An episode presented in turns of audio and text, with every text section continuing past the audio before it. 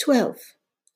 Vince's favorite color is black because it goes with everything, and his favorite toys are squish toys. الأسئلة questions واحد ما هو لونه المفضل؟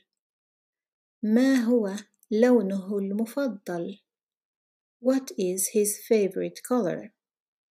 اثنان لماذا؟ لماذا؟ Why? ثلاثة ما هي لعبه المفضلة؟ ما هي لعبه المفضلة؟